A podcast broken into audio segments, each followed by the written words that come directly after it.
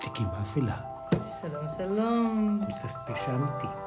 שבוע כל שבוע, אני אריאל, או אבא שלי נתנאל. זה אני. זהו. בוחר נושא, תיק שנותר באפלה, חוקר... תיק באפלה. מה זה אומר תיק באפלה? תיק שנותר בצללים, בחשיכה. אוקיי, ומה הוא עושה איתו? חוקר, בורר ומוצא את- את הפרטים, את ה... את הסיפור, את הסיפור. את העולם הרגשי. נכון, ומביא אותו כאן לבן אדם הרציני, בלי שיחה מוקדמת, שככה עולות השאלות הכי של הרגע. ו... כמה תיקים באפלה זה כבר מפה לשם? חמישים וקצת פרקים. וואלה, כבר מה שנקרא שנה כזה, פלוס מינוס. אה, מתחילת אה, ההקלטות, אה, היו כמה שבועות שהיינו מקליטים לעצמנו ועדיין הפרקים לא היו עולים, אבל. עוד מעט שנתיים, אתה יודע. שנתיים? אה, אם לא טועה, כן. אני זוכרת שב-26 בפברואר, 26 בפברואר. אני זוכרת שכבר אה, העלינו כאן פעם אחת שנה, ציינו כאן את השנה של תחילת ההקלטות. בדרך לשנתיים, כן, עוד מעט, עוד מעט. שבוע אחרי שבוע, נכון. בחורף, בתנאי מזג אוויר מזוויעים, ברגעי צינון קלים. וברגעי צינון קשים.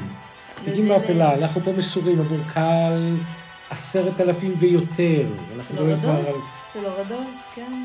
ארבע ספרות שמורידים, עשרות בקבוצת פייסבוק, נכון, רגע, אפשר למצוא אותנו ברשתות החברתיות. תחת חיפוש מילות הפלא, תיקים באפלה, יש את קבוצת הפייסבוק שלנו, שם עולות תמונות, עדכונים, פרטים וכישורים לגבי הפרטים, לגבי הפרקים. אה, כישורים לפעמים עולים כאן לאיזה כתבות או תמונות והלאה. יש את אה, עמוד האינסטגרם שלנו, שם עולים עדכונים ותמונות ופרטים. יש... מבחינת אה, רשתות חברתיות זה הכל, בינתיים אפשר לשמוע אותנו בפלטפורמות ההסכתים, הפודקאסטים, בגוגל פודקאסט, ו-RSS, ספוטיפיי. ואפל פודקאסט. שוב, תיקים באפלה. ערוץ נצור ביוטיוב. נצור, אמ, אתה יודע ששאלו אותי לגבי זה? ו? אחת המאזינות שאלה אותי, היא חיפשה את, אמ, ציינו את אמ, עמוד היוטיוב שלנו, כי כל ה... הכל מצולם. הכל מצולם, שעדיין כרגע זה בבייס פרטי, אולי זה יעלה בהמשך, אבל בגלל שציינו את זה כאן, אנשים מחפשים. כרגע זה, אני עונה, זה, זה אצלנו, זה שמור, אה, למועד המתאים. נכון? ועכשיו, אריאל, מה? הכנת לנו השבוע? השבוע הכנתי סיפור טיפה יותר היסטורי. היסטוריה. אנחנו הולכים אחורה בשעון הזמן. נכון. שנים ועשרות שנים. אין לי מושג על מה אנחנו מדברים. אז מציג את זה מעורפל גם לך. כן. אה, השנה הייתה... רוצה להמשיך? לעשות לי בילדאפ? לעולם לא אשכח ולאחר, וכאשר, וכתוצאה מכך, לפתע התגלה ש... שנתחיל? כן. אה, ג'ובאני אה, בוגטי, ג'ובאני בוגטי. שם איטלקי. פרלה איטליאנו. נכון. הוא נולד במרץ 1779. ו- 1779, בחישוב פשוט, 1889, 1999, ו- 1999, זאת אומרת, אם אנחנו לוקחים את הזווית מול היתר, טנגנס, לפני כמה שנים זה קרה בערך. מספיק. אוקיי. הוא נפטר ביוני 1869 בגיל 90. על הירח מו האריך ימים. נכון. ואז, הוא מתואר בגלל שבאותה תקופה לא הצטלמו, לא היה גם, לא יודעת מתי המציאו את המצלמה, מתי פיתחו אותה, אבל אין, אין, אין תמונות. הבנתי, נתייעץ עם דוד גוגל לגבי השאלה הזאת. לגבי אם היו צילומים, המצלמה? אני מניחה שטיפה אחריהם. אוקיי. אז הוא מתואר לפי גם ציורים שמצאתי שלו, הוא מתואר כבחור נמוך ושמנמן, מהמם. לבוש, אה, לבוש טוב ואלגנטי. אה, הוא היה מבקר בכנסייה סנטה מריה ברומא, והיה נשוי ללא ילדים. יחד... פותח- פותח סוגריים רגע לגבי אוקיי, לגבי מה- השנים. בשנת 1826 הוא עדיין חי- המצלמה הוא עדיין חי. בתקופת המצלמה, אבל הוא עצמו הממציא לא... הצרפתי ניספור נייפס, אשר צילם בשחור לבן, התצלום הראשון בהיסטוריה ששרד הוא הוא? נוף מחלון בלגרה. יש לנו בבית הספר אה, תקופות של אה, לימוד של תולדות האומנות, שם למדנו ש... אה, שם על תקופות באומנות שבהן בפיתוח המצלמה ניסו, איך כאילו עד שפותחה המצלמה ניסו אה, להתחקות ל... מהמם. במדויק למציאות, וכשפותחה המצלמה מבחינת אומנות וציור, טיפה האומנות התרחקה בהכרח מהצילום המדויק. מעניין. אה, איך נסגור סוגריים? סגרנו סוגריים. אה, שוב, הוא היה נשוי ללא ילדים, ויחד עם אשתו פתחו חנות אה, פיצ'יפקסים לתיירים. הפריט היחיד שמצאתי שבאמת כאילו נמכר שם זה סכין. מטריות עם ציורים. Hmm. 1,700. וקצת. כן. לא, והרבה, יותר קרוב ל-1800 פלוס. אה, הוא עבר את זה מעבר לזה, הוא היה מוציא להורג מוציא להורג. של מדינת האפיפיור בין השנים 1796 ל-1864. Hmm. ולעבודתו הרשמית. כמוציא להורג קרא, הוא כינה אותה כצדק, עשיית צדק. וואו. שם הוא החל לעבוד רק בגיל 17 עד גיל 85, כך שעבד במשך 68 שנים. אבא, לאן אתה נוסע לעבודה? אה, אני הורג את האיש שהוא אה, הוא אנשה. וואו. זאת אומרת, עבד בוותיקן, בתור מוציא להורג, כמעט איזה, בקירוב בדרך למאה שנה. נכון, ברצף. נכון. רוב אה. חייו. פש, מגיל 17 עד, כן. נכון, חמש שנים לאחר שיצא לפנסיה, ממה שהבנתי, נפטר. אה, עד שנת, אה, כרגע על העבודה אני מתארת, עד שנת אה, 1810 אה, ההריגה נעשתה על ידי עריפת ראש עם גרזן, מקבת, או על ידי תלייה. מה את אומרת? עריפת ראש עם גרזן? כן, מה קרה לגיליוטינה היפה, העדינה? בדיוק על זה אני מדברת. לאחר מכן, הצרפתים החלו להרוג עם גיליוטינה לעריפת ראש. לא, לפחות תחושה של הקלה השתררה באולפן הפודקאסטיקים. אוי, ואפילו איזה כיף. רגוע כזה, אמ, מתון. תחילת השימוש בגיליוטינה נעשה על ידי. אה, רופא צרפתי, ג'וזף... אה, מנגלה. לא. שוב, הגיליוטינה נקראה אה, על שם משפחתו. באמת? אוי, אה, כן. דוקטור למדנו על. זה בכיתה ח', אתה יודע, והמורה שלנו פתחה על זה סוגריים וציינה שכמה דורות אחריו, בגלל שיצא לגיליוטינה מוניטין רם, כן. אז הצאצאים של הדורות אחריו ביקשו לה- והחליפו את שם המשפחה. זה קטע מטורף. הוא היה רופא, והוא שימש ב... השתמש בגיליוטינה כאמצעי הומני לעריפת ראשים ללא כאבים אה, וזהה לכולם. של מין סוג של אה, המתת חסד. חסד, בוא, חסד כי זה... למי? אוקיי.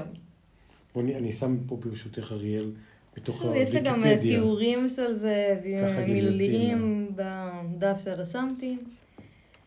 אמ, סכין חדה וכבדה.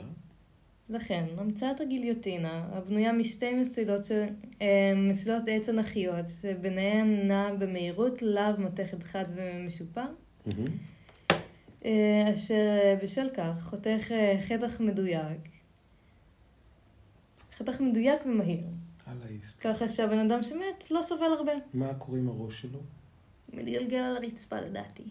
הוא נופל לתוך כלי קיבול לראשים. אולי, כדי שלא יתגלגל על הרצפה וישמר ברחוב. את יודעת שפעם ראית גולגולת? נראה לי נשמור את הסיפור הזה לפעם נכון, אחרת. נשמור את זה. רק בשביל הפרוטוקול של כל הקהילה, לא תשאל. לא, אין לנו גיליוטינה בבית. אין לנו ואין לנו- גולגלות בבית גם. וגם אין לנו גולגלות בבית. אין לנו שום אחריות לגולגולת. זה סיפור אפל, שאולי ניתן לו דרור בעתיד הרחוק. לא סיפור אפל בהכרח לדעתי. סיפור. סיפור שמתקשר ללימודים והשכלה. כן, ואהבה. גם אבא. אה, בסביבות שנת אה, 1816 החל ג'ובאני אה, להוציא להורג באמת עם הגיליוטינה, כי אז בערך אה, הגיע למדינת האפיפיור. איך את יכולה, מה את יכולה לתאר על רעיון העבודה? כשהוא בא לזה, יושב, אני עם. ידיים גדולות, אני יכול להרים גרזנים ולהפעיל גילבטינה, אני... אה, לא מחובר רגשית לאנשים. אני, אה, כן, אני כשיר לרמת... אה, גבות. כן, להלם, לבמה שלה, וואו, הוא מת. זה מקצוע נורא, וואו. סך הכל, והוא הוציא להורג כמה? כ-514 בערך איש. זה המון. מה הם עשו? אבל... מה הם עשו האנשים האלה? בערך אה, שבעה אנשים בשנה. 7.5. כי לפעמים היה חצי איש, הוציאו אותו בחצי הראשון בשנה הזאת. איזה רגל שם, צלע פה. כן. חמקמק, מספר חמקמק. אמ, זאת אומרת, הוא לא עבד יום-יום, בוא נגיד את זה ככה. הוא פשוט שייף את המכשירים כל הזמן. אני לא יודעת. שבעה בשנה זה בערך חמישה. ימי עסקים. כן. כל חודש וחצי, בין לבין, קפה איטלקי, אספרסיטו. החליפה, הגיליוטינה והגרזן שאיתם משתמש עדיין שמורים במוזיאון לקרימינולוגיה ויה דל גונפלונר. ויה- ברומא. ויה דל גונפלונה. כתבתי לעצמי את זה עם ניקוד. גונפלונה.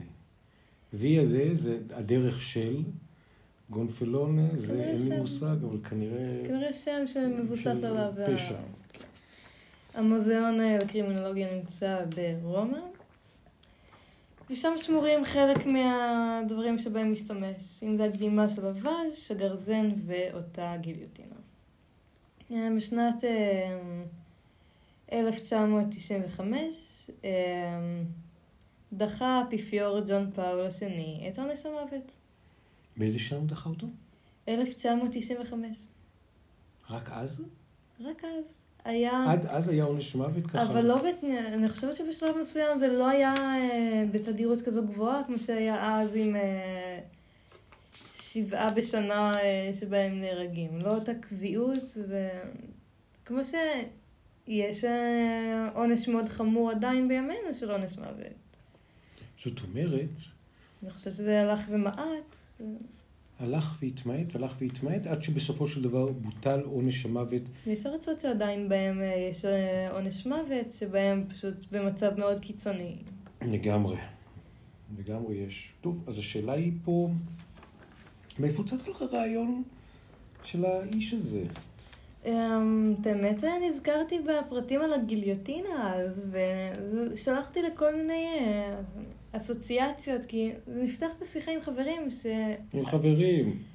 שהפרט שבא, שאמר שגיליוטינה מוצאה בהתחלה למען הרפואה, של אה, להרוג בצורה, או אפילו לחתוך איברים בצורה יעילה ומהירה, ו... כמה שפחות כאב, כי זה גם חטח מאוד אה, אמור להיות חד ונקי. אז השתמשו בזה בהתחלה לרפואה. אז עניין אותי השימוש ה... בהכרח להמתה של, זה, של אותו המכשיר. וחפרתי טיפה באינטרנט.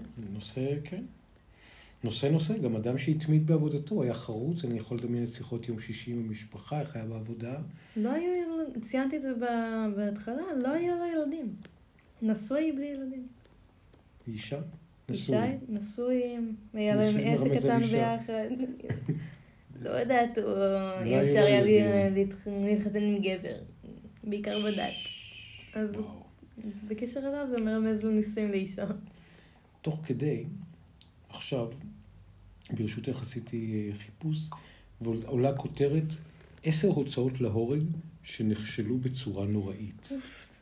תרצי שנצלול לזה או לדלג? אפשר, השאלה אם ויזואלית, דמיונית. לא, לא, לא ויזואלית.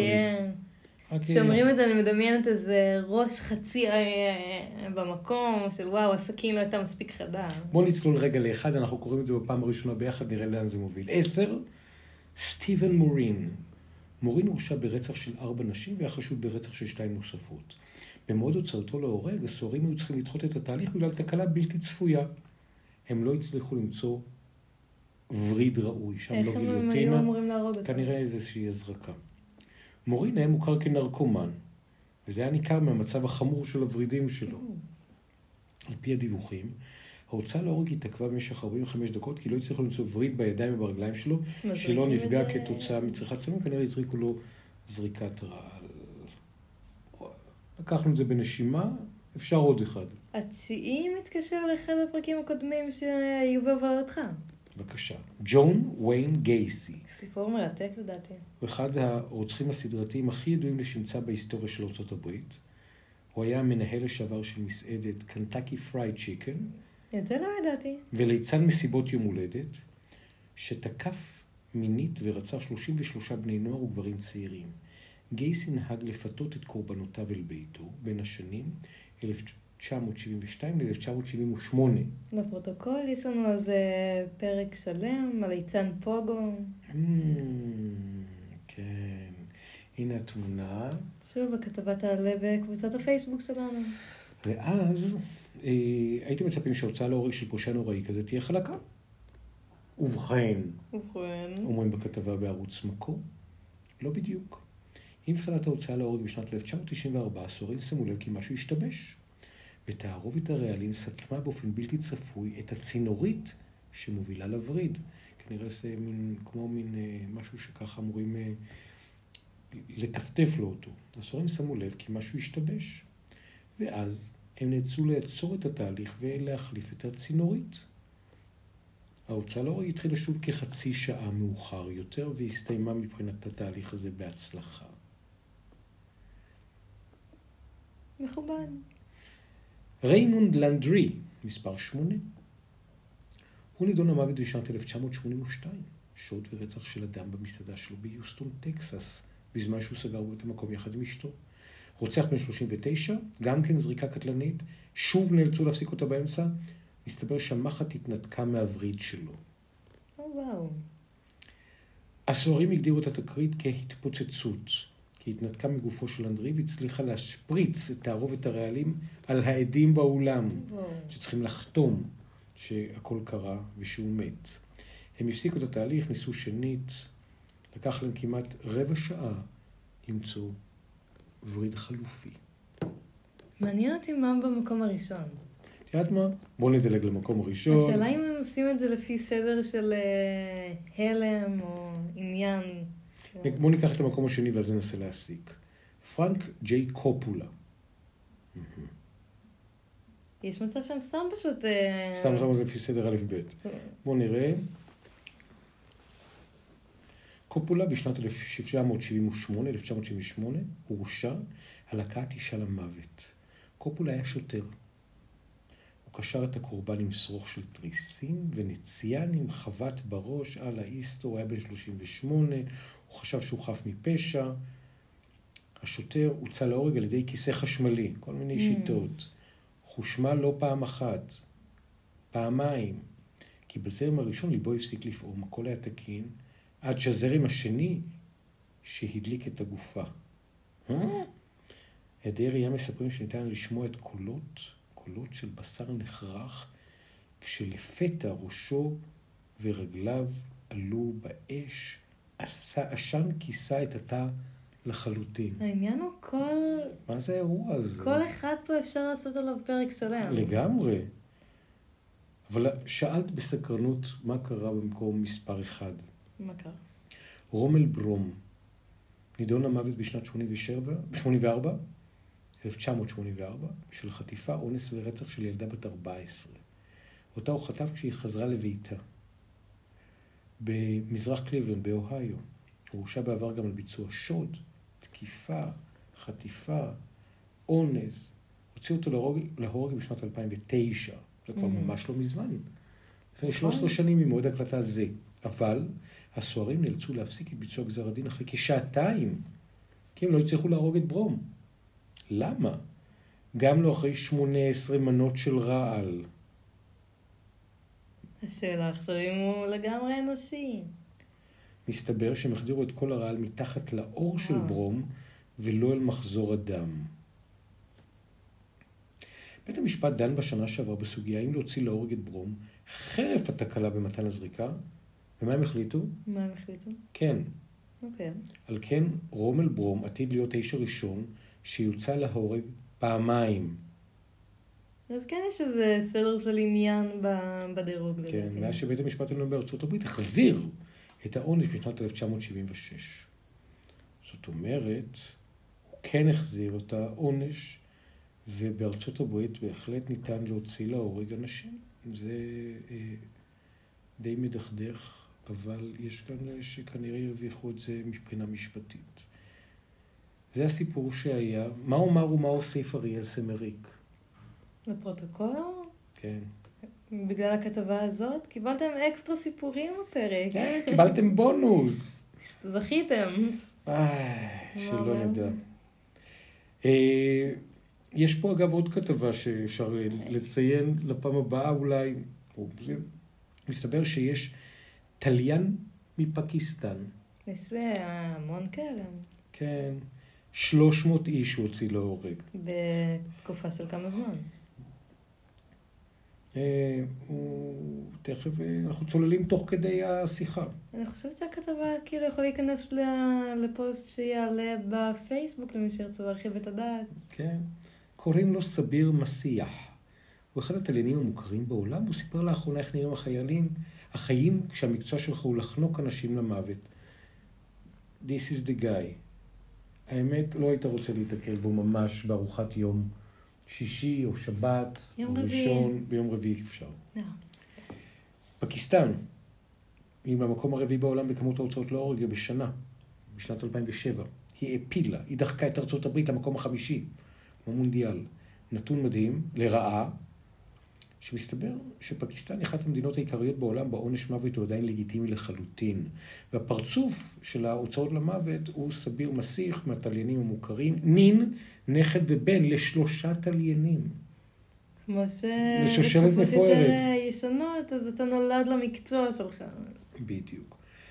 והוא אמר ש, אה, שהוא רק רוצה לחזור לעבודה, זה היה בתקופה של כמה שנים שהשעו את עונש המוות בפקיסטן, הוא מצא את עצמו ללא מקצוע, ובאמת הם החזירו לרפובליקה האסלאמית, ומסיך, אם הייתם בטרדה, הוא חזר לעבוד, והיה לו שוב מקום ללכת אליו בבוקר.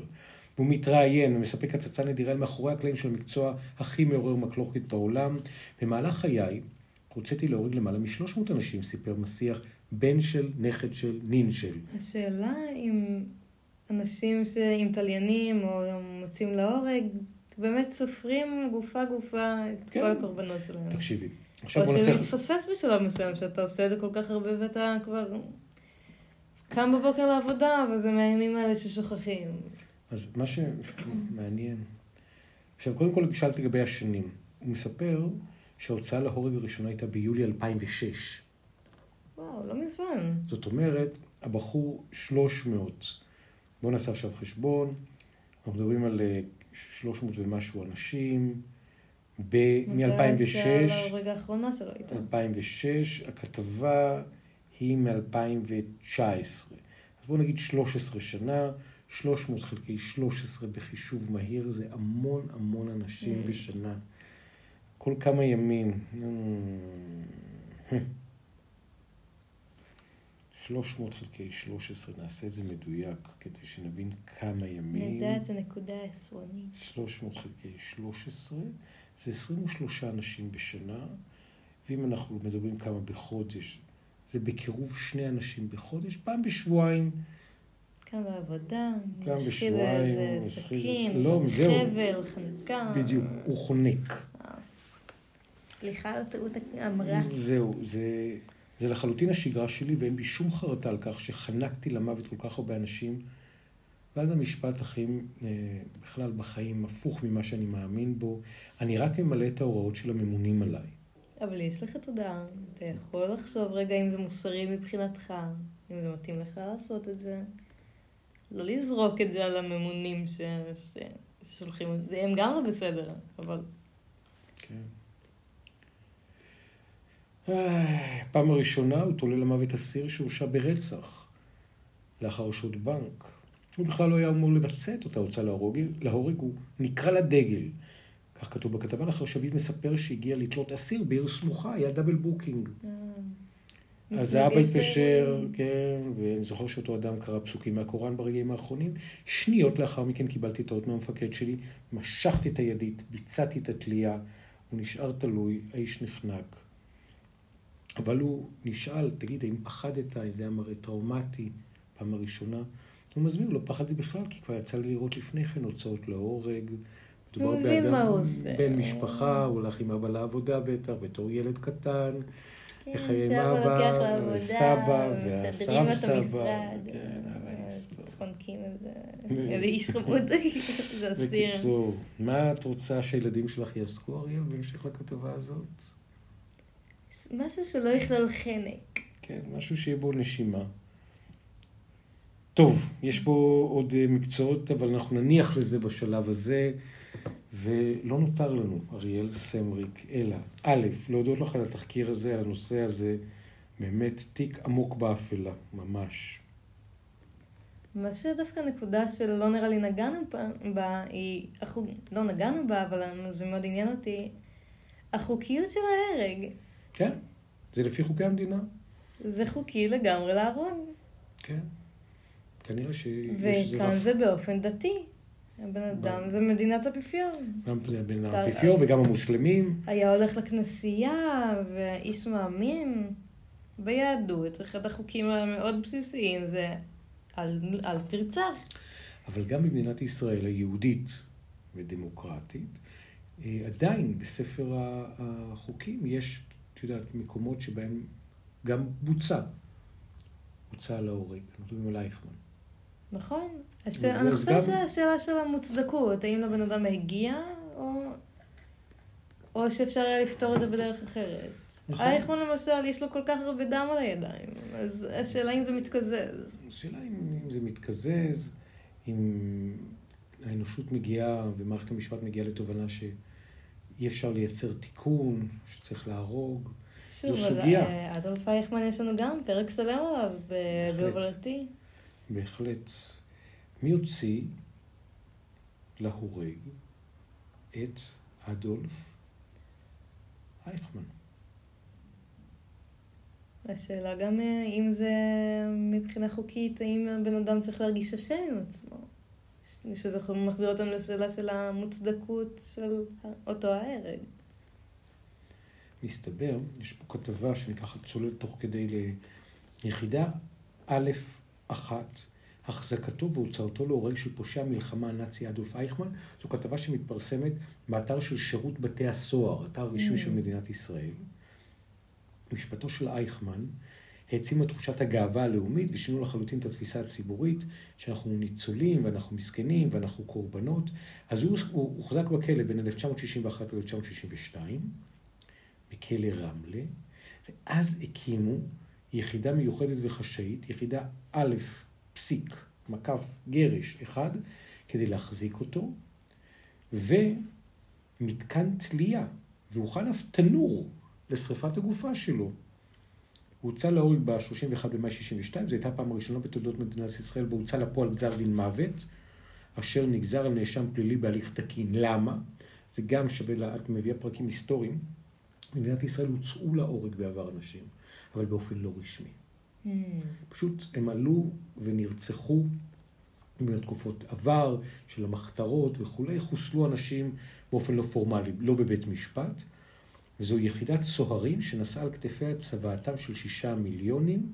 יש סרט שהופק על ידי שירות בתי הסוהר והוקרן לראשונה בערב הוקרה לגמלאי הארגון. הארגון סוהרי יחידה מהווים חלק מהמורשת של הארגון, הם מצדיעים לו בגאווה. האמת, אפשר יהיה לפתוח גם על זה פרק במועד המתאים, אני גם את זה אשלח לנו, שיהיה לנו אופציה לגעת בזה, זה גם מעניין. לדעתך יעלה או יישמר כרגע לנו? לכתבה. מה שאת תחליטי זה נראה לי מצוין. אבל כל התהליך של בניית אה, המקום הזה של אה, יחידה להוצאה להורג בחסות החוק, גם במדינת ישראל, אז אנחנו הבאנו היום סללום, את בנית תחקיר מרתק על המוציא להורג של הוותיקן, מורשת הנצרות, קפצנו לפקיסטן, המוסלמים, והגענו גם הביתה, אל-ג'הוד. שוב, מילים אחרונות, נראה לי השאלה היא במוסר של ההרג. כן. האם זה באמת מתבקש, או שיש דרך לעקוף את זה רגע למצוא דרך אחרת ל- לכפר על העונש של הבן אדם, לכפר על המעשים של הבן אדם. מה מה העמדה שלך? שוב, תלוי מה הוא עשה, תלוי אם אפשר למצוא דרך עקיפית לשקם אותו מזה, או האם המעשים שלו אי אפשר לכפר והוא עשה מעל ומעבר. אז מאוד תלוי. אני באופן עקרוני חושב שעונש מוות הוא, הוא באמת אה, אה, משהו שהוא... אה, אין בו איזה אמת אחת. זאת אומרת, יש כל כך הרבה פנים לזה. כבוד האדם, גבולות, האם הבן אדם שיקום. השני עבר גבולות ושבר את כבוד- האדם לאנשים אחרים? האם אפשר לשקם את זה? סוגיה. פשוט לא, לא מובן מאליו. ו... מה שנקרא, שלא נדע עוד צער. נכון. אריאל סמריק היה מרתק, תיקים באפלה, תודה רבה לך על התחקיר המרתק הזה. תודה על ההקשבה והכתבות הצוצות באמצע וה... נעלה אותם בעמוד הפייסבוק, בטח. נעלה תמונות בעמוד התיקים באפלה גם. באינסטגרם, גם בפייסבוק בקבוצה עולות תמונות אה, ועדכונים והכל. אה, אפשר לשמוע אותנו בעמודי ההסכתים, בערוצי ההשמעה, האם בספוטיפיי. RSS נמצא בתוכו? RSS? כן. איפה הוא נמצא? יש שם R, יש שם S ויש שם S, שחקי עם זה. Mm. אפשר למצוא אותנו בספוטיפיי, ב-RSS, גוגל פודקאסט ואפל פודקאסט. בכולם. בכולם, והכל בחיפוש של תיקים באפלה. אריאל ונתוני הסמל. איזה יופי. תודה רבה לך אריאל, היה לעונג. רגע, מה? שכחנו, זה היה הפרק הזה שלא שתינו מים. איי, פרק הזה לא פשוט. נכון. באמת, נושא קודר. תיקים באפלה, לא נושא שמח. אה, כן. יאללה, ניפגש בשמחה. ביי.